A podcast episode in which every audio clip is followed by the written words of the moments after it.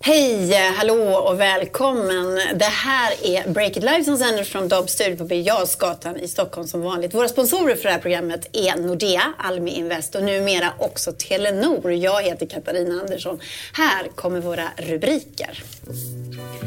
Trustly har blivit en vinstmaskin, men hur länge ska det här vara? Hashtag om kvinnors utsatthet blev viral. Här är techbolagens bidrag till en säkrare värld för tjejer. Och deklarationstider betyder Kivra-rusning. Men hur ska bolaget gå vidare? Ja, hej och välkomna säger jag till veckans gäster. Anna Bäck på just Kivra. Hej. Tack så jättemycket. Jättekul att vara här. Och sen vill jag också säga hej till min egen VD Camilla Bergman som du vet nu för tiden. Hej! Hej! Och i eh, morse så kom en nyhet om e-handelsvärlden. Det handlar om Peers. Och eh, jag tycker vi kan börja med den Camilla. Eh, ja, precis. Vad är Peers och eh. hur stort är det här att de går till börsen? För det var det som man satte en datum nu att nästa vecka kör de.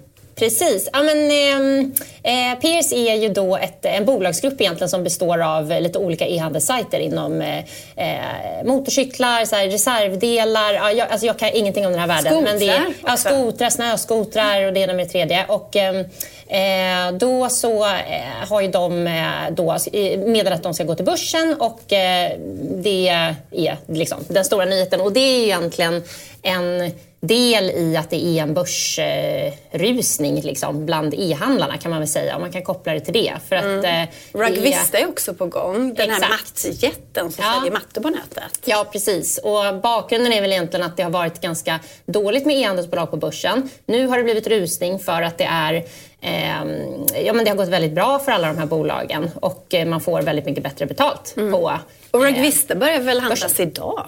Mm, ja, Anna, Beck, känner du till dem? Ja, Rugvista känner jag inte till så väl måste jag säga. Men eh, Pierce känner jag till. Jag ja. har en gammal kollega som är CFO där faktiskt. Så jag har mest följt dem sedan han började för ett antal år sedan. Och tycker spännande bolag, mm. intressant eh, Kommer han klara område. den här uppgiften bra då? Och gå till ja, det är jag helt säker på.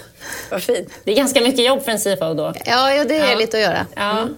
Mm. Men eh, alltså det vi, vi snackade lite på Clubhouse om just den här börsnoteringen, eh, jag och Stefan Lundell, Breakits grundare, i morse. Och eh, kontentan av det samtalet var väl att det är en väldigt hög eh, värdering. 2,5 mm. gånger omsättningen, vilket egentligen inte är så konstigt kanske för ett framgångsrikt e-handelsbolag, för det är andra som har värderats ungefär där också. Men ehm, just Peers har, hade inte, eller har inte superhög lönsamhet. Den låg på typ 5% Så det var liksom lite ja, en, en spaning. Mm. Um, men det jag också tyckte var, eh, eller är intressant med just Peers, för jag kom att tänka då på att jag faktiskt intervjuade den VDn, eh, Henrik Sadig, på D-Congress förra året. Och man, det är alltid roligt, jag vet inte om det är så för dig också Anna, att när man så träffar ledaren bakom ett företag. Så det är ofta väldigt inspirerande. Man, man liksom fattar så men det är inte konstigt att det går bra för de här eh, när man träffar alla de här mm. personerna. Mm. Och, eh, och han, Vad hade han då? Nej, men, ja, precis. Jo, det jag skulle komma till då. Det som är intressant med Pierce är att eh, dels har de varit väldigt tidigt väldigt duktiga på att skapa sitt eget eh, varumärke. Så 40% kommer från sin egen, av deras försäljning kommer från deras egna eh, varumärken. Ehm, vilket ju liksom alla e-handlare vill ha nu för mm. tiden, den här direct to consuming-trenden. Och eh, sen så har de också varit väldigt duktiga på att liksom bygga sitt varumärke och ett väldigt starkt community. För det här är ju en så här, eh, kommer ju så, såklart med nischen, men det är ju en väldig eh, hobby och liksom så passionerad följarskara. Men då var det i alla fall, jag kollade mina anteckningar, 1,5 miljoner följare i sociala medier som väl då kollar på liksom snöskoter eller på så här, ja men det är ändå lite, lite häftigt och han berättar om hur varje liksom, liten, liten del i kommunikationen måste verkligen så här andas deras snack och de har liksom en tonalitet. Och, jag, jag gillar verkligen sånt. Mm. Starka varumärken, hur man bygger det. Men det är precis mm. så man vill handla ju. Alltså om man nu är en skoterfantast eller en motorsågsfantast eller whatever, ljudfantast, så vill man ha de där ljudproffsen, de där proffsen som mm. är så bra på just din Exakt. grej. Ja. Hur tänker du om det Anna? Du är ju också VD och vill bygga varumärke såklart. Alla ska lita på Kivra. Absolut, Nej, men det, det är superviktigt för oss och det är när vi kommer högt i, i förtroenderankning kring liksom, most purposeful brand eller sustainable brand eller liknande. Det gjordes även inom fintech där vi var en av de varumärken med högst förtroende i Sverige. Så det tycker jag är de, några av de absolut viktigaste. Är, vi pratar mycket om att vi ska ge våra användare peace of mind, att man bara ska känna att det sköter sig. Man vet att det funkar när det kommer mm. Peace of vägen. mind, det låter lite som mindfulness nästan. Ja, ja. ja det, är, det är. Ja, men inte, inte yogadelen av peace of mind, utan bara känna att administrationen funkar. Skönt. Mm. Eh, Okej, okay, alltså, alltså e-handelsboom eh, och flera bolag till börsen inom e-handel. Mm. Sen en annan nyhet som jag tycker att vi ska ta upp, eh, den handlar om Trustly, det svenska betalbolaget som kom med ett bokslut i eh, veckan som var oerhört starkt. Trustly har ökat sina intäkter till nästan 2 miljarder. De har vuxit med 40 procent det senaste året och dessutom, varannan krona som det här bolaget drar in är en vinstkrona. Det är ju en sjukt bra vinst. Mm. Och eh, jag vill eh, kalla på Olle Aronsson, vår kollega, Breakits grundare och eh, också en person som är väldigt insatt i just fintechbranschen. Hallå Olle! Tjenare Kat! Kan vi inte börja med det här, vad gör Trustly? Så att vi är med på banan allihop. Trustly, i en mening kan man säga att de gör direktöverföringar mellan olika bankkonton. Då. Och eh, Det kan låta ganska trivialt, men eh, twisten med det här är att de har byggt en egen teknik eh, som rundar det traditionella eh, nätverket av eh, bankgiro och kortbolag. Så att de har liksom som en, en egen genväg runt alla de här traditionella strukturerna, plusgiro, bankgiro, eh, vanliga banköverföringar, Visa, Mastercard och har en egen liksom, expressmotorväg eh, som gör att man kan föra över pengar mellan, eh, mellan olika bankkonton helt enkelt. Um, och det är egentligen hela innovationen. Mm. Men du, Olle, hur kan det här gå så himla bra då med eh, direktbetalningar mellan bankkonton? Ja, om man vill vara lite välvillig mot Trustly så, och vilket, um, så kan man säga någonting som också är sant och det är att de blir den enda mellanhanden här. Eh, så att när de rundar det här traditionella nätverket av bankgirot och Visa, Mastercard, då går man i en betaltransaktion från tre, fyra, fem, kanske till och med sex mellanhänder ner till en enda mellanhand och det är Trustly. Så då mm. får de hela betalintäkten eh, för sig själva. Eh, och det låter ju trevligt, så här. de tar bort alla andra mellanhänder och så.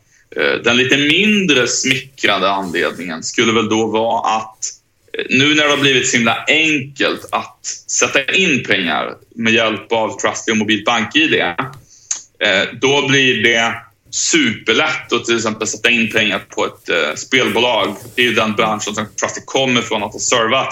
Och då sätter man in och tar ut pengar väldigt mycket snabbare och väldigt mycket oftare. Är ni med? Man sätter in mm. pengar och tar ut jättemycket oftare på spelbolag framför allt. Och då, eftersom Trusteds modell är väldigt skalbar, så tjänar de mer pengar för att volymen går upp och de får betalt varje gång det sker en transaktion. Och det sker transaktioner oftare. Eh, så, och båda de där grejerna är nog sant om varför de är så lönsamma. Mm. Men det, det, finns en del kritik mot själva affärsmodellen och den här snabbheten då som skulle kunna Eh, leda till att en spelmissbrukare kommer i kläm till exempel. Då. Eller vad tycker du Olle? Är det rättvist att ge eh, Trustly den kritiken? Jag skulle säga så här att kritiken är ju egentligen inte framförallt mot Trustly utan det är ju mot deras kunder. För att eh, grejen är att innan Trustly kom så eh, det var ju massa spelmissbrukare som spelade bort pengar på, på ehm, um, nätkasinon och så då också. Men då var det så att det var ofta väldigt svårt att få ut pengarna. Det här vittnar alla i branschen om och även spelmissbrukare och, och så att ofta så satt spelbolagen liksom och ruva på dina pengar och gjorde det väldigt svårt för dig att ta ut dem. och det är ju inte bra. Och det var ju faktiskt ett problem som Trustly löste då. Att det blev ändå enklare att få ut sina pengar. Mm. Så på så vis så tycker jag inte kritiken är rättfärdigad. Men där kritiken verkligen är rättfärdigad, det gäller nog framförallt egentligen mot Trustlys kunder. Eh, alltså de här som har varit genom historien Ninja Casino och andra aktörer som har gjort eh, som har marknadsför sig med att det är väldigt snabbt, smidigt, enkelt och nästan bekymmersfritt. Att åh, det är så lätt att sätta in pengar och spela bort dem.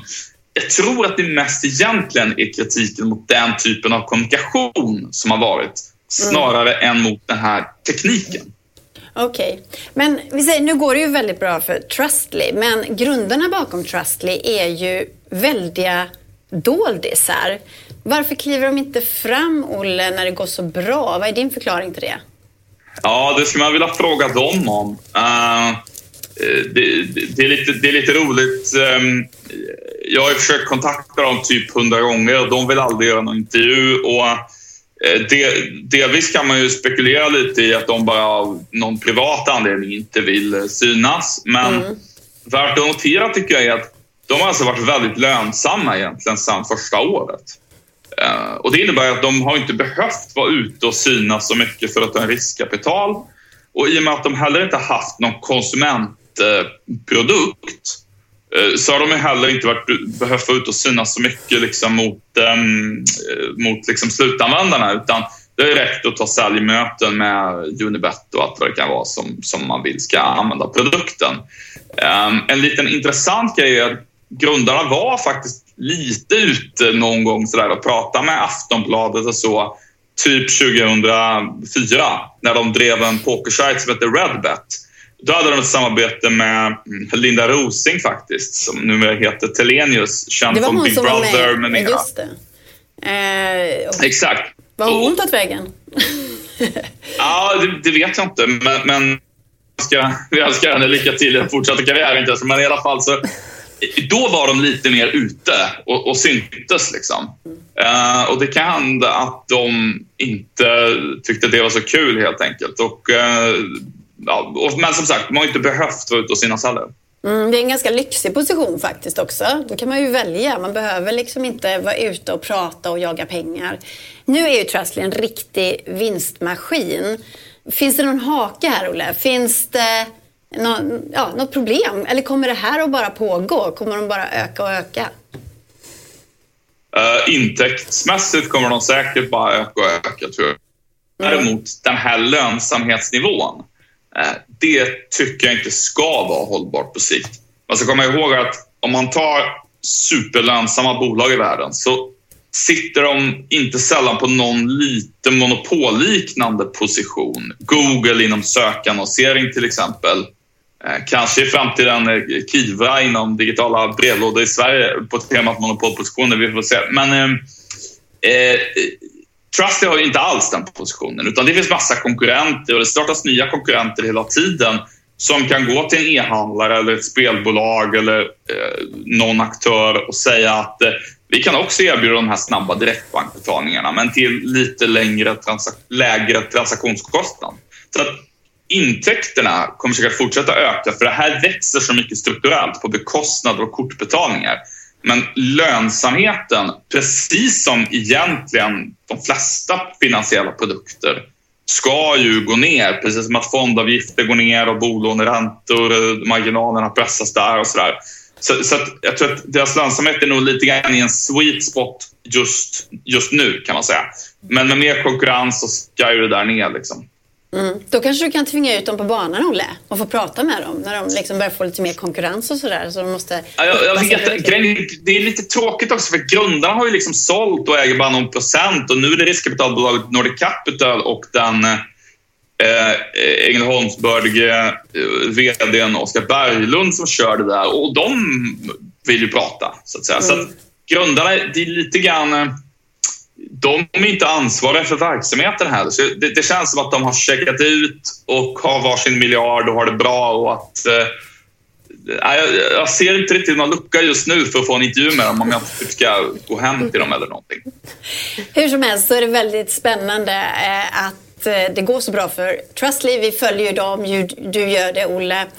Så tack så mycket för att du var med i Break Live idag igen. Vi går vidare tycker jag. Vi har ju mycket mer att snacka om och mycket fler nyheter som har hänt i veckan. En helt annan nyhet handlar ju om hur man gör affärer på skräck och rädsla för att bli våldtagen, om det ens är okej att göra det. Och hela den här grejen har ju kommit till för att det är en hashtag som har blivit viral. Ni har säkert sett den. Den här Text me when you get home. Och det handlar om ett mord på en 33-årig kvinna, Sarah Everard i Storbritannien. Hon var på väg hem eh, och eh, efter en kväll ute med kompisar går och pratar med sin pojkvän, de bestämmer sig för att de ska, ska träffas nästa dag, så blir det inte. Utan eh, 33-åriga Sarah Everard, hon blir mördad, kidnappad, kidnappad, mördad och hittas i en byggsäck i ett skogsområde lite senare. Och det här tog ju enorm skruv. Det är ju massor med kvinnomord varje år. Men här hände det någonting och eh, det resulterar i en hashtag då där kvinnor också ger tips om hur de själva skyddar sig på den här hashtaggen. Hur har ni reagerat på, ja, på, på den här enorma reaktionen mot ett kvinnomord för en gångs skull? Ja, jag blir helt, jag, jag, vet, jag blir helt så förkrossad mm. av hela nyheten och eh, ja, vad ska jag säga? Ehm, att, eh, att det är bra att man pratar om det här. Sen så, ehm, vi borde prata om det varenda dag i varenda spaltmeter tycker jag för att det är sån otroligt eh, fruktansvärd ehm, sak med mm. hur kvinnor mördas, eh, utsätts och eh, trakasseras. Och, ja, det är verkligen illa. Mm. Jag, gud, jag blir så omskakad av det där. Jag tycker själv att man... Det är klart att man då börjar tänka hur, hur eh, är det, eh, vågar jag gå ut och vågar så? Men eh, ja, det var min... Man gör ju så, alltså det här med text me when you get home det är ju någonting som vi har kört med, säkert ni känner igen det också, eller hur? Att mm, det där har man ju alltid gjort. Det är ingen nyhet för oss kvinnor och att man, man gör vissa saker för att skydda sig själv och sådär. Men kanske kan en sån hashtag ändå öka medvetenheten, eller hur tänker du? Ja, men jag, jag tänker samma. Alltså, det är ju fruktansvärt att det händer, men sen att, att det är ju någonting som händer kontinuerligt. Men det är, ju, eh, det är ju bra att det verkligen uppmärksammas och att, ja, att det blir någonting större av det. Och för att komma in på affärsvinkeln på, på den här händelsen så är det ju så här att den här typen av trygghetsappar som riktar sig till just kvinnor för att kvinnor ska kunna känna sig eh, ja, tryggare när de är ute på stan och så vidare. Den har ju, de har ju ökat enormt. Det finns ungefär 200 sådana appar att ladda ner idag, visar en engelsk studie. Olika typer av, av trygghetsappar då. Och eh, att man kan göra affär på det här, det är ju en marknad som växer. Så tänker jag så här. Samtidigt så är det så här, det finns ett problem med kvinnor som inte är trygga ut samhället, som överfalls, kanske till och med våldtäkter. Mm. Och lösningen då som samhället kommer upp med och techbolagen kommer upp med, det handlar ju om att skydda kvinnan. Det är män som våldtar och överfaller. Vad tycker du om det Camilla? Är det ett fel sätt att, eh, att hantera problemet? Att komma mm. med den här typen av appar? Nej, jag tycker det är bra för att jag tycker att eh, det finns ett stort problem. Alltså, så här, min, eh, min, pappa sa alltid till mig att jag, visst det är klart att man kan säga så här, men gå, eh, jag ska inte behöva vara rädd när jag går ut, och, eh, liksom går ut på en mörk stig. Nej, mm. så är det ju. Men jag måste ju vara det tyvärr. Och då, det finns ju ett problem där. Och då är det bra tycker jag att företag tar, och liksom individer och människor eh, tar grepp om det och skapar någonting som liksom skyddar kvinnor och andra utsatta. Eh, men man måste ju hålla två saker i huvudet samtidigt. Alltså den stora frågan är ju eh, grunden. Alltså varför blir det så här? Och det är ju ett, ett enormt ämne som vi kanske inte eh, hinner avhandla här i Break It Live Nej. idag. Men, men då är ju jag, jag är i alla fall övertygad om att man måste börja jättetidigt med liksom, att uppfostra våra barn jämställt. Det är där lösningen ligger. Mm. Vi kan väl ta någon app som faktiskt är svensk mm. eh, som heter Not Alone och sen finns det en som heter So Safe. Har ni hört talas om de eh, apparna? Jag kan bara dra kort vad de handlar om. Jag hade inte hört talas om dem. Nej, alltså jag, jag läste ju lite anteckningar i, liksom, i manus inför det här programmet. Jag hade inte hört talas om någon. Så det är ju jättebra att jag eh, ja, berättar. Ja, men den här Not Alone fungerar på ett sätt som att du kan alltså eh, aktivera appen och sen genom att dra ut hörlurarna som jag förstod det, på telefonen. Mm. Så då kommer ett larm till folk i din, i din telefonbok som du har valt ut då, som vet om att du är i fara. Den här typen av appar, det finns ju, det finns ju många sådana. Att man skickar de här hjälpsignalerna och sånt där. Har ni några tankar kring det? Hur bra det skulle kunna fungera? Det är otroligt ja, svårbedömt faktiskt. Ja. den, vågar jag nog inte, den vågar jag nog inte spekulera i faktiskt. Den, mm. Eh, mm, alltså jag, nej, jag kan bara konstatera att jag tycker att det är bra att det finns. Och sen ja. så, eh, så oklart hur jag Eh, jag vet inte varför jag själv inte riktigt är användare av dem. Jag är väl kanske en typisk småbarnsmamma som håller mig hemma mycket nu för tiden eh, på kvällarna och sådär. Då har jag inte riktigt, jag är inte användare på det sättet. Nej. Men eh, ja. För jag, när jag bodde i, i Brooklyn, New York, så visste jag att det var ett farligt område jag, jag bodde i. Det enda jag hade var ju var ju pepparspray. Mm. Det får man nog kanske inte ens ha i Sverige. Mm. Jag vet inte. Men använder Nej. du någonting, Anna? Någon, någon ja, att du pratar med någon när du går hem på kvällen i telefon eller... Det var så länge sedan man gick hem på kvällen. Ja, det, det, det, eh, nej, men man hör väl av sig eh, kanske att man... Jag cyklar mycket eh, och cyklar även från stan. Eh, jag bor en bit från stan. Mm. Men eh, då hör jag någon med säga att nu, nu sticker jag och sen nu är jag hemma. När vi tittade på det här eh, samtalet och tänkte så här, gjorde lite research runt det. Ja. Så var det en tjej på Breakit som sa så här, visste ni inte att eh, en vanlig iPhone, om man klickar fem gånger på knappen mm. så börjar den tjuta som ett larm. Alltså, jag hade ingen aning om det. Det första jag tänkte var så här, men fem klick, det är ju skitmycket. Kan mm. inte Apple köra två klick på den och så fem klick när, klick när du ska ladda ner en app istället? Alltså, ja, just det. För det är väl det som, som, som kan vara svårigheten, att mm. hinna agera och mm. tänka, alltså när du blir överrumplad, mm. överfallen, du, du blir ju paralyserad tänker jag. Så mm. att, eh, ja, Mm. Det finns andra spännande techlösningar mm. som jag också gjorde research på. Mm. Till exempel något som heter RapeX. Mm. Det är alltså en kondom eh, som, för kvinnan som mm. du har inuti. Mm. Som alltså eh, sticker ut nålar, någon typ av nålar när den penetreras av en unwanted penis. Mm. Det är helt, helt vansinnigt, eller hur? Men otroligt bra, mm. effektivt. Men ja. jäklar vad Hemsk grej för den där mannen som voltar också. Väldigt bra alltså. Men alltså, man trodde ju inte att det fanns den typen av techlösningar. Någon verkligen har suttit och tänkt. Nej. Eh, och någonting som heter smart shorts. Som är byxor som är otroligt svåra att få av. Mm. Därav kan du inte heller bli våldtagen då. Mm. Men kritiken mot den typen av, av byxor var ju att om du råkar ut för en olycka, det första som ambulanspersonalen gör är att klippa upp dina kläder. Mm. Kanske behöver komma åt organ och vad vet jag. Och då kan ju det där bli svårt. Så allting har en baksida. framsida och en baksida. Mm. Just det. Ja, nej men och så här, tillbaka till att man får på något sätt ha, vi måste ha två saker i huvudet samtidigt. Att man behöver också jobba med här, normer i samhället, eller det är det stora. Mm. Normer i samhället och att, eh, att det inte sker våldsbrott mot kvinnor. Det är ju det är ju det stora såklart. Men sen, gud, det var ju väldigt spännande att höra om alla de här tjänsterna måste jag säga. Mm. Och sen också den här grejen också relevant. Att överfall och övergrepp, eh, det är ju ofta inte en snubbe som hoppar fram bakom en buske när du är ute och går i en mm. mörk park. Utan det är ju faktiskt någon du, du känner och är trygg med, mm. tror du. Det är ju där de flesta, 90 procent av övergreppen sker där. Mm. Så att eh, det är ju svårare att skydda sig mot mm. då kanske. Mm. Anyways, jag tror att den här diskussionen kommer att, att gå vidare. Du tycker det är okej okay då, Camilla, att man ändå gör business på den här typen av, av trygghetsappar? Eller säljer man skräck? Anna, rädsla? Ja, alltså om, om de på riktigt hjälper så hjälper man ju människor mm. i en eller annan form. Så det, och det finns ju många saker som man köper för att det hjälper en. Mm. Mm. Så, att, så det är nog en, en, balansgång där också, att de är, är på riktigt hjälpsamma så att mm. säga. Okej, okay, vi är för allting som skyddar kvinnor, eller? Mm. Mm.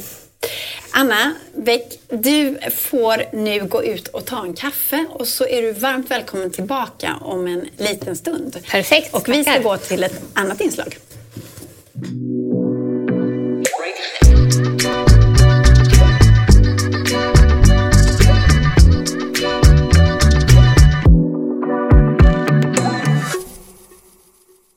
Nu så har vi fått in en ny gäst i studion. Jag säger hej och välkommen till Ulrika Steg som är affärsområdeschef på Telenor Företag. Hej! Tack, hej! Går det att driva företag precis var som helst? Det är ju en fråga som vi ska grotta i lite nu, hade vi tänkt. Breakit och Telenor har slagit sina påsar ihop här i en satsning. Berätta om den Camilla, vad går det ut på? Ja, eh, precis. Ja, men som du precis nämnde så flyttar allt fler från storstan och man jobbar digitalt och uppkopplat. Eh, och det här påverkar ju också hur vi driver bolag och mm. därför så vill vi undersöka hur eh, gör man då det om man ska jobba så uppkopplat som det går och eh, liksom ut i landet på alla möjliga möjliga ställen. Så att här har ju då Telenor utmanat Breakit att eh, ta reda på det här svaret. Så det är det vi ska göra i den här serien som kommer löpa under våren. Um, så det är jag väldigt pepp på. Ulrika, du eh, har tittat närmare på den här trenden. Vad är det ni ser lite mer exakt? Vi ser precis det som Carmilla pratar om, att fler flyttar utanför stan. Och vi tror ju verkligen att man kan jobba där man är. Och i och med pandemin så ser vi ju att distansarbetet har ökat och vi vill ju att alla och hela Sveriges företagare ska kunna ha en riktigt bra och säker uppkoppling för att kunna jobba där man är. Och tävlingen går ju ut på att vaska fram de här guldkornen, de företag som verkligen är digitala, som kan inspirera våra andra kunder. Mm. Vi ska prata mer om eh, den här tävlingen lite senare, men det är en ny grön våg kan man säga då, som är på gång här. Ja, men på något sätt så möjliggör ju den här pandemin att man kan leva sin dröm och bo där man är och ändå vara närvarande i ett företag. Och det är fantastiskt. Det är det. Och eh, vi ska köra igång direkt eh, med det här. Jag säger hej och välkommen till Filip Techbonden Samuelsson som driver företaget Blipp på Västgötaslätten på en hästgård. Hej! Tack så mycket, tack så mycket. Du, eh, hur är det? Alltså, du har flyttat ditt företag till Västgötaslätten. Varför gjorde du det? Eh, det var ju för att jag faktiskt flyttade till eh, Västgötaslätten. Så att jag, eller jag flyttade hem från Stockholm. Ja. Och den här utmaningen då, att driva ett företag som, som har funnits i Stockholm, eh, ute på landet. Hur ser du på den? Eh, ja, personligen så, eh, alltså när man kollar på det utifrån så kanske folk tycker att det är en utmaning. Personligen funkar det superbra för min del. Eh, har ju jobbat eh, remote även innan pandemin eh, och eh, det gäller ju egentligen bara att upprätthålla rutiner och eh, liksom även kanske inte ha, eh, att ha kollegor som också pushar en i rätt riktning. Mm. Och dina Rutiner. grannar där ute på landet då, skulle jag också vilja veta. Vad, vad tänker de att du kommer dit och startar företag på Näsgård? Nu har jag inte så många grannar, höll jag på att säga. Men, du lever eh, långt ut på vischan. Ja, exakt. Nej, men ehm, det är klart, det är klart att eh, landsbygden behöver ju också eh, vad ska man säga? Jo, men eh, jag ser ju jättepositivt på det. Alla tycker att det är jättepositivt och att eh, när man börjar rekrytera och så vidare att man kan hitta en helt annan typ av kompetens eh, och lojalitet skulle jag säga i en mindre stad kontra en större stad. Mm. Och de här hacken som du har då, när du jobbar så digitalt, så långt från Stockholm till exempel. Vad har du för knep? Jag är ju en sån här vinterbadare exempelvis. Ja, du blir pigg och fräsch då. Ja, men precis. Mm. Eh, det är inte alla som har tillgång till det, men eh, det handlar väl om också att man Eh, att man har en, en, en, rutin, att man inte bara sitter i, i liksom, eh, shorts och, och t-shirt utan att man faktiskt tar på sig de, eh, man tar en dusch, man tar på sig de kläderna man eh, ska ha som på ett vanligt arbete. Man gör sin check-in med sin kollega eller med sina kollegor. Man tar pauser, man tar sin lunch, man avslutar liksom när, man, eh, när man ska avsluta och så vidare och hela tiden jobbar mot att hela tiden få saker och ting gjort. Man behöver inte eh, liksom rädda världen på en dag utan att man hela tiden sätter upp dagliga mål. Eh, mm. Det, har lyckats, det har vi lyckats med väldigt bra. Mm. Och sen kan man gå och vinterbada och sen har du hästarna också, för det är en hästgård, så att rider du också ibland då? Eh, ja men precis, vi har ju en, eh, vi har 17 stycken hästar på gården. Eh, så att det är klart, det är ju en, det är en del häst, hästskötsel också så att säga. Men det är också en väldigt bra en bra kombination skulle jag säga. Eh, att eh, istället för att sitta 16 timmar vid datorn varje dag så kan man ju sitta 12 timmar och vara fyra timmar ute i stallet. Lyxigt där. Tusen tack för att du var med Filip Techbonden Samuelsson.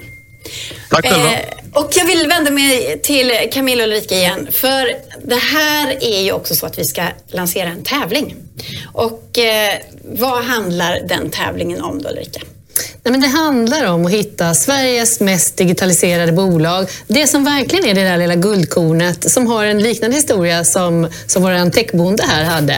Som kan också jobba från sitt smultronställe och få balansen som alla letar efter i livet. Att få vara ute bland hästarna eller vinterbada eller sitta i sin sjöbod och jobba men samtidigt vara i en miljö som man själv väljer. Eh, och det, det bolaget tror vi inspirerar. Så det ska vi vaska fram här tillsammans. Det är guldkornet. Mm. Hur gör man då om man vill vara med i den här tävlingen och tror att man har chansen att vinna? Eh, man går in på Breakit och eh, där har vi en artikel som handlar om tävlingen. Eh, man går in och nominerar sig själv och eh, vinner man då så kommer vi att eh, utse den vinnaren på eh, 24 Live som är Breakits 24 eh, timmars eh, livesändning den 20 maj. Mm. Är du med där också Ulrika och delar ut Själv, Absolut. Härligt. Och då kommer jag till den viktigaste frågan. Vad är det man vinner här då? Ja, man vinner äran förstås, eh, en jättefin statyett eh, och eh, ett fint diplom och så vinner man 100 000 i marknadsföring på Breakit. Mm. Okej, okay, vi uppmanar alla att vara med i den här tävlingen då, nominera sig själva. Mm. Så tusen tack för att du kom hit Ulrika Steg, affärsområdeschef på Telenor Företag och Camilla Bergman, du sitter kvar. Ja.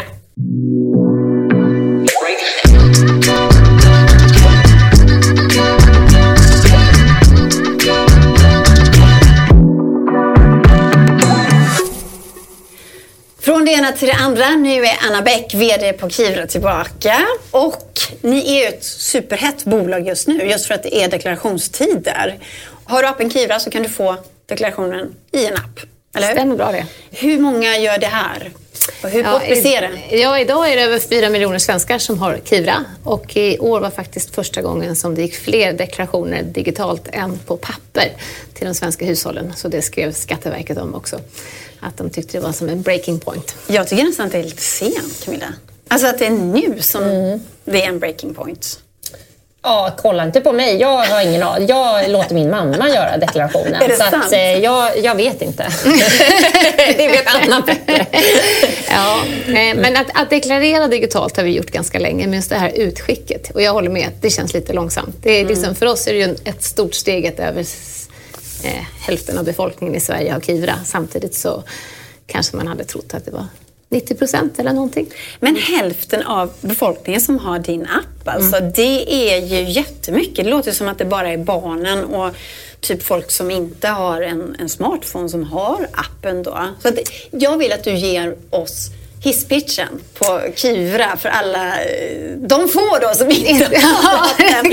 Vad gör ni? Ja, vad gör vi? Ja, Kivra är ju, vi, vi vill vara en plats för dina viktigheter. Eh, vi har varit en digital brevlåda så över 30 000 företag och organisationer skickar in eh, post, lönespecifikationer, eh, vårdkallelser, mm. kreditupplysningskopior och så vidare till Kivra. Eh, och sen förra året lanserade vi även digitala kvitton där bland annat ICA Åhléns eh, Jula. Men det är ju underbart. Du slipper alltså papperskvitton du slipper... och all post och alla kuvert och sprätta och sånt. Alltihopa. Ja. Så du får det. Och sen, jag tycker nästan det häftigaste är liksom, demokratisering av post brukar vi säga, men att alla får det samtidigt. Så att mm. Vi har Sveriges nordligaste invånare, Sixten, uppe i två mil eh, norr om Treviksröset som är en väldigt aktiv kund så därför får jag även nämna honom. Han är ofta med oss. Men han är drygt 60 år, annars fick han åka två mil bil för att hämta sin post och han fick den en gång i veckan. Och nu får Sixten och jag vår deklaration samtidigt. Ja. Det tycker jag är häftigt. Du borde göra Sixten till posterboy på Kiva. Ja, han är lite posterboy och så. han hör av sig ibland. Säger nu skulle jag gärna vilja ha vårdkallelserna också. För jag ofta får dem efter besöket har varit. Mm. Eh, och det är väl liksom det att, att det får det på en gång. Camilla, Anna skrämde upp mig här innan vi gick in i studion. För att vi pratade just om eh, UCs. Alltså om man ska ta ett banklån eller mm. någonting så mm. är det någon som tar kreditupplysning på dig. Men det kan ju också användas då när någon försöker stjäla din identitet. Mm. Och eh, det här kan, kan Kivra hjälpa till med, att det säger ping i mobilen. Ja, det säger ping. Det är att du, att, du, att du får det. Även polisen rekommenderar ju att man har en digital brevlåda. Just det, att, att man får informationen väldigt snabbt. Ja. Att någon har kanske handlat i ditt namn eller du får en från Bolagsverket om någon har eh, försökt använda ditt namn i, i, i sådana sammanhang. Mm. Jag kom på att jag skulle hem och sprätta upp ett sånt brev. Mm. Eller ladda ner Kivra kanske. Mm. Men du, en annan spännande sak som också är superhet just nu, det är ju vaccinationsintyg. Just nu pratar ju politi eh, politikerna knappast om något annat. Mm. Och eh, där finns också en möjlighet eh, för Kivra. Hur då? Ja, vi, eh, säger, det, det, som Sverige har sagt är att man ska bygga liksom en, ett system för att hantera säkra vaccinationsintyg men sen att medborgarna ska kunna få välja var man vill ha dem någonstans. någonstans mm. som, någonting som man redan använder och som känns eh, som en plats där man vill spara sina viktigheter. Och där, eh, så vi har även undersökt bland våra skickade ut en undersökning till 50 000 Kivra-användare och där sa över 80 procent att de ville ha sitt vaccinationsintyg i Kivra och vi har även gjort studier bland sådana som inte är Kivra-användare och även där ser många det som en naturlig plats. För det är ju bakom BankID och man är redan van att man får väldigt viktiga viktig information där och att man är, eh, känner sig säker och trygg mm. att ha den där. Så där vill ni också vara en plattform för de här vaccinationsintygen som ja, alla absolut. längtar efter. Ja. Eh, men när ni gick ut och berättade att ni, ni kunde tillhandahålla den här tjänsten så fick ni ju antivaxarna på er. Vad hände då? Det, jag ser med det, det är ju, vi har ju, är ju inte de som bestämmer eh, huruvida det ska finnas ett, eh, ett vaccinationsintyg eller inte. Så vi ser ju oss bara som en neutral kanal och det gör vi ju egentligen i alla. Vi inte, bestämmer inte att man ska få en deklaration heller utan mm. vi är ju den som förmedlar informationen på ett snabbt och säkert sätt. Men ändå hamnar ni i skottgluggen här, eller? Ja, men det är lite granna. Men det, det får man räkna med. Hur tar ni en sån, ett sånt drev då mot företaget? Hur hanterar du det? Jag tror, för oss är det just viktigt att behålla liksom neutraliteten och att, att, diskutera huruvida saker och ting ska finnas eller inte. Det får man ta med, med myndigheter i, mm. ofta i, i det här fallet. Medan vi som sagt är kanalen att ska, ska det finnas ett vaccinationsintyg så är det en väldigt bra plats att ha det på. Men exakt eh, vilka påhopp fick ni då som, som trots att de var orättvisa ändå drabbade företaget? Hur kom Jag de? tror inte det drabbar oss så mycket. Det är mest i sociala medier att, mm. att eh, de som vill tycka till tycker till även hos oss då så att säga. Hanterar du det på något sätt? Eller ja, vi svarar ju alltid på, på eh, diskussioner men vi, ja, vi, det var liksom inte en, en storm så att säga. Om man tänker att det finns ändå 10 miljoner invånare så är det ett par stycken som tycker åt det hållet. Mm. Eh, Okej. Okay. Sen tänker jag också på det här som jag tycker är spännande. Att förfalskningar då mm. av vaccinationsintyg till exempel. Eftersom de kommer bli så hett att man ska ha ett sånt. För det öppnar dörrar i samhället. Du hamnar i A-laget kan man säga. Du kanske får resa, du kanske får gå på konserter och så vidare. Eh, och allting som samlas i Kivras brev, brevlåda är ju känsligt material, eller mm. mycket av det. Så säkerheten där, hur, eh, hur viktig är den för er?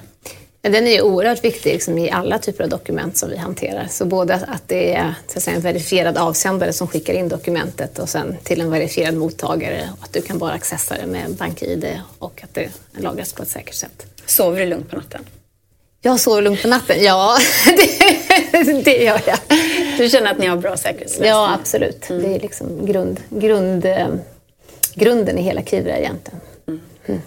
En annan sak som vi diskuterade på, eh, på redaktionen här innan du skulle komma så var det så här, åh, Kivra är ju ett häftigt bolag, eh, ni bygger massa lösningar, som du säger, ni gör det enkelt för, för användaren och sådär. Men det kanske finns ännu mer som ni kan göra. Eh, och då, då är det så här, vad ska ni bli när ni växer upp och blir ännu större? Det där tycker jag att vi ska grotta lite. Vad tycker du Camilla att Kivra ska utöka med? Ja, alltså jag... Ehm, eh, svaret på den frågan är att det borde inte jag svara på. jag har ju en käpphäst. Liksom, att så här, ja, men jag kan komma med en massa idéer, men, men det vet ju Anna mycket bättre. Eh, jag kanske blivit lite... lite Skadad? Ja, men lite kanske. För jag får ju väldigt, så här, jag får väldigt mycket idéer till, eh, skickat till mig eller på luncher. Och så här, men Breakit borde göra det här och det här och det här. Och det, här. det är allt ifrån... Alltså det, är, så här, det är jättekul. Det är massa bra idéer. Eh, och det är allt ifrån att vi borde ha ett riskkapitalbolag till att vi skulle dra igång en papperstidning, liksom en glossy Breakit. Eh, och eh, då kan jag lite känna så här, ja, fast det är, inte, eh, de, det är inte brist på idéerna som är det svåra. Eh, utan det är ju genomförandet, det är fokuset, det är, alltså vi kanske snarare borde bli ännu mer fokuserade på vissa saker som vi håller på med på Breakit. Vi har jättemycket grejer. Mm. Um, och så tänker jag just också på den här um, Eh, meningen som en, en framgångsrik entreprenör sa till mig en gång att det svåra är inte att säga nej till dåliga idéer, det svåra är att säga nej till bra idéer. Um, och, eh, det vill säga det finns hur många bra idéer som helst, men ska man göra allt? Nu blev det ett väldigt långt svar, men därför så när jag eh, såg då att jag skulle svara på den frågan så här, men vad ska Kivra mer göra? Har du idéer Camilla? Då kände jag så här, nej, det tänker inte jag säga. Jag står näven i bordet. Men, men, du Anna kanske är, är jätteöppen för nya idéer en väldigt positiv person jämfört med mig. Då, då. Jaha. ja, men lyssna är alltid intressant. Nej, ja. men vi jobbar väldigt mycket med, med, liksom, med användarfokuserad... Liksom, försöka förstå användarnas problem och hur ja. vi kan lösa dem i vardagen. Och jag mm. jobbar själv tio år inom Eh, design och innovation och liksom framtidens tjänster och produkter. Ja. Så jag tycker det är superspännande. Och sen, mm. Då får man ju se, har man fyra miljoner användare och vill gärna ha åtta miljoner, då är det ju väldigt många olika typer av problem folk har. Det är allt från att de äldre kanske inte klarar av att hantera sina viktiga dokument själv och då har vi en dela-funktion som man kanske kan dela med sitt barn så att man kan ta hand om sina föräldrar. Så, och, och så, många sådana bitar kan man liksom bygga ut mer och mer. Men att mm. vi känner att det, vi vill liksom stanna i sfären, eh, ge peace of mind och vi ska liksom vara en den bästa platsen för dina viktigheter. Mm. Och då kan det ju vara ganska mycket som ryms inom det. Sen har det varit väldigt mycket fokus på konsument. Vi har ändå 70 000 småföretag som är, eh, har en brevlåda också. Eh, och där ser vi också att det är en jättepotential att hjälpa dem ännu mer och liksom skapa ordning och reda i, i administrativa djungeln. Så vi tittar liksom på hur vi kan vara och jobbar mycket liksom i ekosystem med många andra eh, företag aktörer och olika partners så att vi tillsammans bygger riktigt bra lösningar. Mm. Jag tänkte det här med, med kvitton då som man mm. kan få, det låter ju smidigt. Mm. Men kan man inte betala i appen också så småningom? Vore inte det ännu smidigare? Ja, alltså man kan ju betala fakturer idag i appen. Så de fakturer du får så mm. klickar du bara på så betalar. Eller det är några steg, inte bara klicka. Men, men i alla fall, är, du kan betala dem direkt i appen. Eh, betalning i butik har vi inte idag. Det är, liksom, det är ju ett jätteområde. Eh, klart intressant, som du säger. En av många mm. idéer som man skulle kunna göra. Men, men eh, kanske inte någon man gör jättesnabbt. Eh, så den har vi liksom inte vidareutvecklat mm. Eh, det ser ut idag. Men en fråga där apropå det här med just man har många idéer och vad ska man fokusera på? Så här. Tycker du, är, är det en utmaning för dig och för er att, att så här, inte springa iväg för brett ifrån vad på något sätt så här, Kivras kärna är? Um. Ja, alltså man får ju liksom hela tiden hålla kvar i kärnan och just titta mm. vad är det som är unikt med oss. Mm. Eh, och vad kan vi göra som skapar eh, mer värde för våra, både de som skickar post och de som tar emot post. Mm. Eh, och liksom kanske ytterligare bitar i ekosystem där man kan vidga sig. Så absolut, det är väl att, att göra saker liksom, som verkligen, där vi är bäst på att göra mm. dem så att säga. Mm. Mm. Men sen har vi startat i Finland också faktiskt, så vi håller på att ta våra första eh, steg utomlands också. Så mm. vi gjorde det förra året. Okej, okay. när kommer ni till resten av världen då? Ja, vi får se. Det är, inte, det är inte ett superlätt ekosystem att, att bygga upp eh, så att det är inte bara att man kopierar och tar med sig så att säga. Så att, eh, eh, just nu har vi sagt att vi satsar på att göra Sverige ännu bättre och att göra Finland riktigt, riktigt bra. Så får vi se när resten av världen kommer. Mm. Jag tycker det här är lite spännande, den typen eh, av bolag som ni är, som tappar in på till exempel då Skatteverket. Alltså det här är ju samhällstjänster som ni eh, kopplar upp emot eller som medborgaren mm. då kan få. Och jag tycker det är lite spännande när jag tänker på det här med BankID. Det är ju också eh, en sån sak som alla har i sin mobil. Du säger att ni har fyra miljoner kunder. Mm. BankID kanske har nästan, ja, nästan alla mm. eh, med en smartphone. Och då kommer de här stora bra idéerna inte från staten. För det känns lite som att det här är ju någonting som staten borde ha gjort. BankID till exempel, men så är det ju inte. Swish mm. inte. Eh, och Kivra då. Hur är det att, att, att, jobba nästan som en förlängning av staten? Är det, är det någonting som är svårt med det?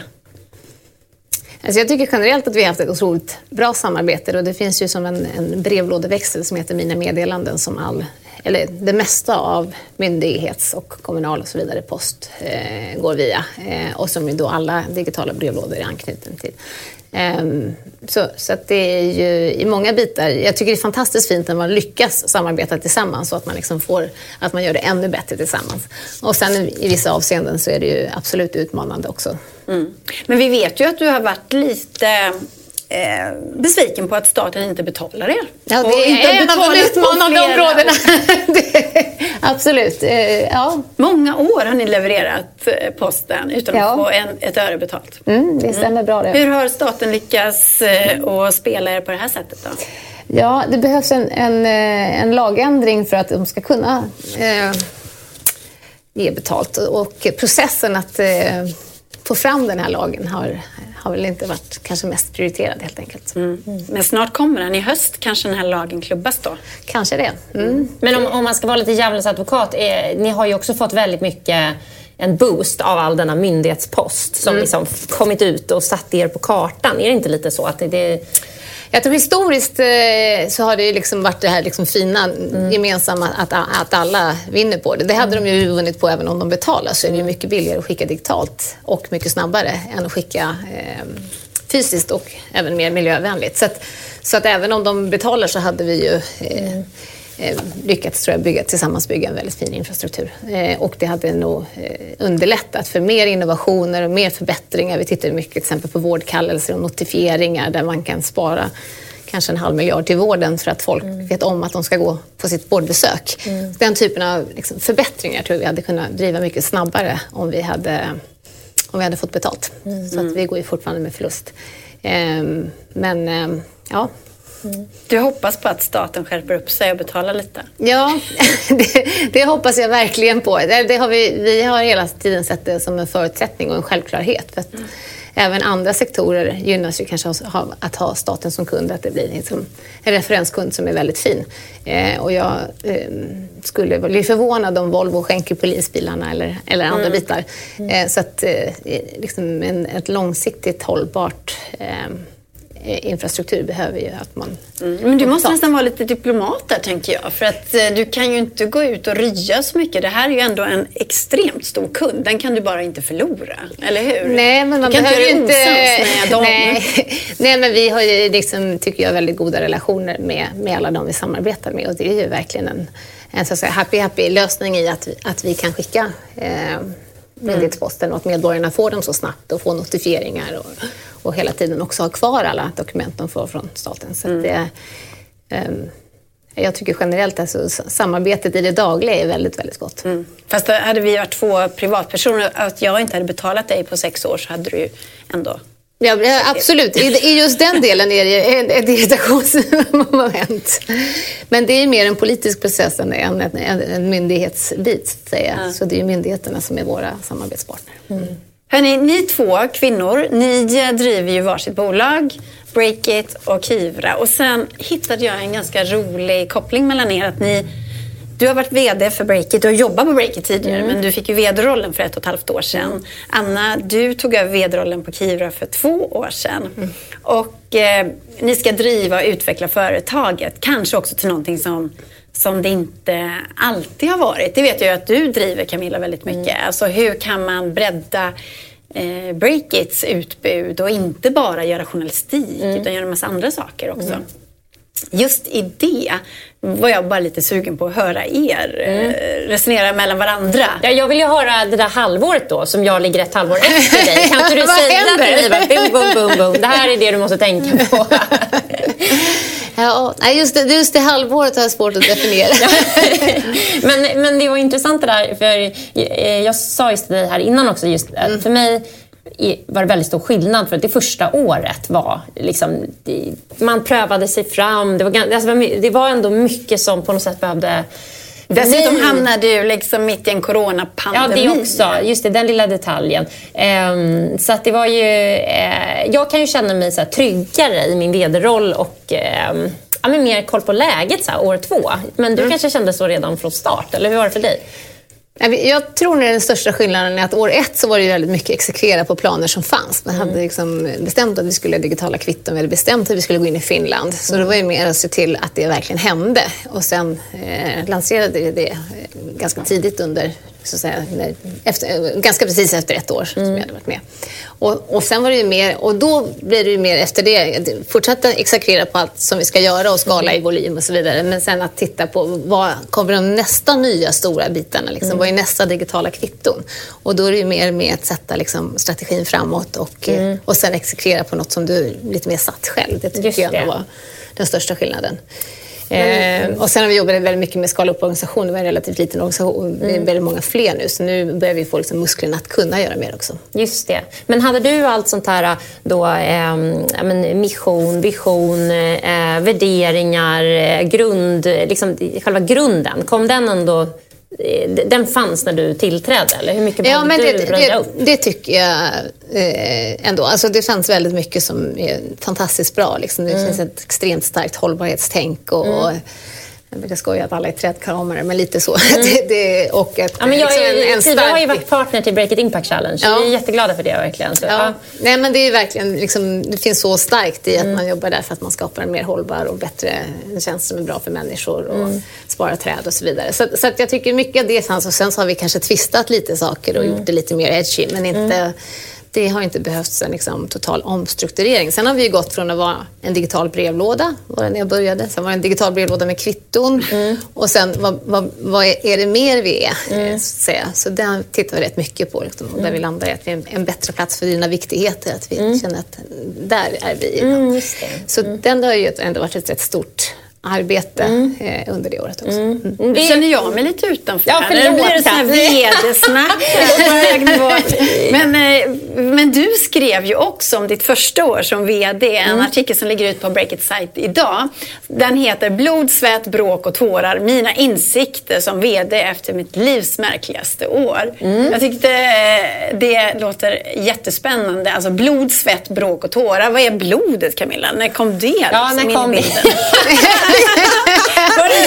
slog du någon eller var det Stefan Lundell som Han åkte på en rejäl ja. snyting. Nej, eh, just blodet kan jag inte komma på. Att det, ja, men det var väl i och för sig ja, corona då, då om man ska vara... Eh, eh, men, eh, ja, men precis, så det var egentligen det här coronaåret som jag skrev om. Mm. och eh, Eh, det har eh, jag har reflekterat väldigt mycket på det. Det blir så. Man, man går runt där på sina walk and talks och man sitter mycket själv. Och, eh, även om det är massa liksom, digitala möten. Men i alla fall, jag har reflekterat ganska mycket på vad jag har lärt mig under det här senaste året. Och det är, liksom, vad, jag, vad jag landade i var att egentligen handlar inte så mycket om corona. Det handlar om ledarskap, det handlar om psykologi, om hantera människor, hantera kunder, eh, hantera mig själv framför allt. Det var väl liksom insikten i, också som slog ner hos mig att den största lärdomen kommer på något sätt inifrån. Att så här, jag, jag, hur, hur blir jag i vissa situationer? Hur blir jag i, när är jag som bäst? När är jag som sämst? Um, ja, och också så här, jag fixar det här, uh, vilket är en ganska skön känsla. Så, så jag, förlåt Kat, det blir ju att, att det, det mer, jag menar inte hålla, hålla dig utanför samtalet, men jag är nyfiken. Du Anna, liksom, hur har det här senaste året varit för dig? Ah, ja, alltså, det, det, är ju klart utmanande. Så. Det, vi är ju extremt digitala, så på det sättet så kunde alla bara ta sin dator under armen och gå hem, mm. inklusive slutkundsupport och allting. Mm. Och, det, och byggt liksom hela grundinfrastrukturen för företaget också mm. på ett digitalt sätt. Ehm, så det är ju fantastiskt att någon hade tänkt långt mm. innan att, mm. att man skulle kunna sitta var som helst ifrån och jobba. Men sen är det ju eh, klart utmanande. Det, går förvånansvärt bra, men det går ju lite bättre att exekvera på befintliga planer mm. än att, att sätta nya. Och också om man är van att arbeta med liksom, gillar kreativa workshops med, med viss eh, periodicitet, att ha mm. liksom både användare och avsändare och alla typer av stakeholders i rummet mm. och att man liksom diskuterar och liksom är många. Mm. Det tycker jag är utmanande. Eh, det måste ju vara hitta. jättesvårt att leda. Jag tycker att det måste vara svårt att leda digitalt. Alltså, jag lyssnade på en podd häromdagen där de berättade att vetenskapligt så är det faktiskt belagt att vi blir självmordsbenägna av att titta på varandra i tvådimensionellt format. Mm. Alltså att det är inte bra för hjärnan. Hjärnan blir jättetrött av det. Mm. Och nu har vi suttit och gjort det i ett år. Mm. Och dessutom, något annat som kan vara ganska nedslående det är att eh, man ser sig själv hela tiden i något ja. litet frimärke. Mm. och eh, det är precis som att ha med sig en spegel in på varenda möte i ett konferensrum. Och ska, alltså det är ju, det är ju inte normalt. Det är ju sjukt. Liksom. ja. Och det där gör oss eh, lite knäppa helt enkelt. Så jag bara, bara var nyfiken på just den här kommunikationsdelen i vd-jobbet som är otroligt viktig om man ska genomföra sin vision och leda och peppa mm. folk och allt det här. Liksom. Eh, har ni kunnat lösa den känner ni?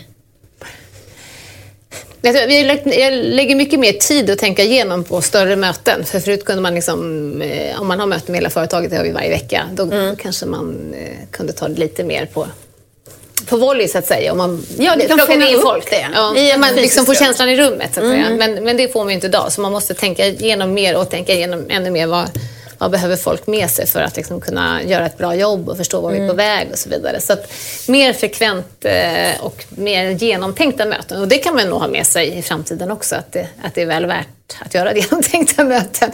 Mm. Men, eh, men sen kan jag tycka det är utmanande om man jag, jag, tror ju på att liksom, eh, kreativitet och bra tjänster kan komma fram genom att det ändå är viss friktion i rummet. Så att, mm. Och att som VD skapa den friktionen eh, när alla är digitalt och man inte liksom, riktigt kan ta hand om friktionen, det, det tycker jag är lite svårt och då kan mm. jag bli lite försiktig. Vad spännande, du skapar alltså friktion i fysiska rum för att ja, se men till det att det kan jag tycka. Men, man har liksom, men om vi gjorde så här då, så kör man liksom lite åt sidan och, och då mm. kommer ju massa nya idéer fram.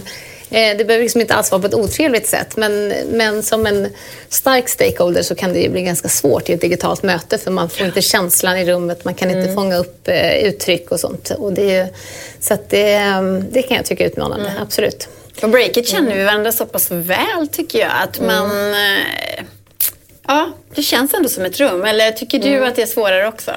Um, alltså både, ja, men det är så här, både ja och nej. Uh, jag tycker att det som är svårt är och det skriver jag också om i min artikel, att när det blir någon typ av lite, ja, friktion åt det dåliga hållet. Då. Mm. Alltså exempelvis då har jag tagit med Stefan och Olle, Breakits grundare som exempel.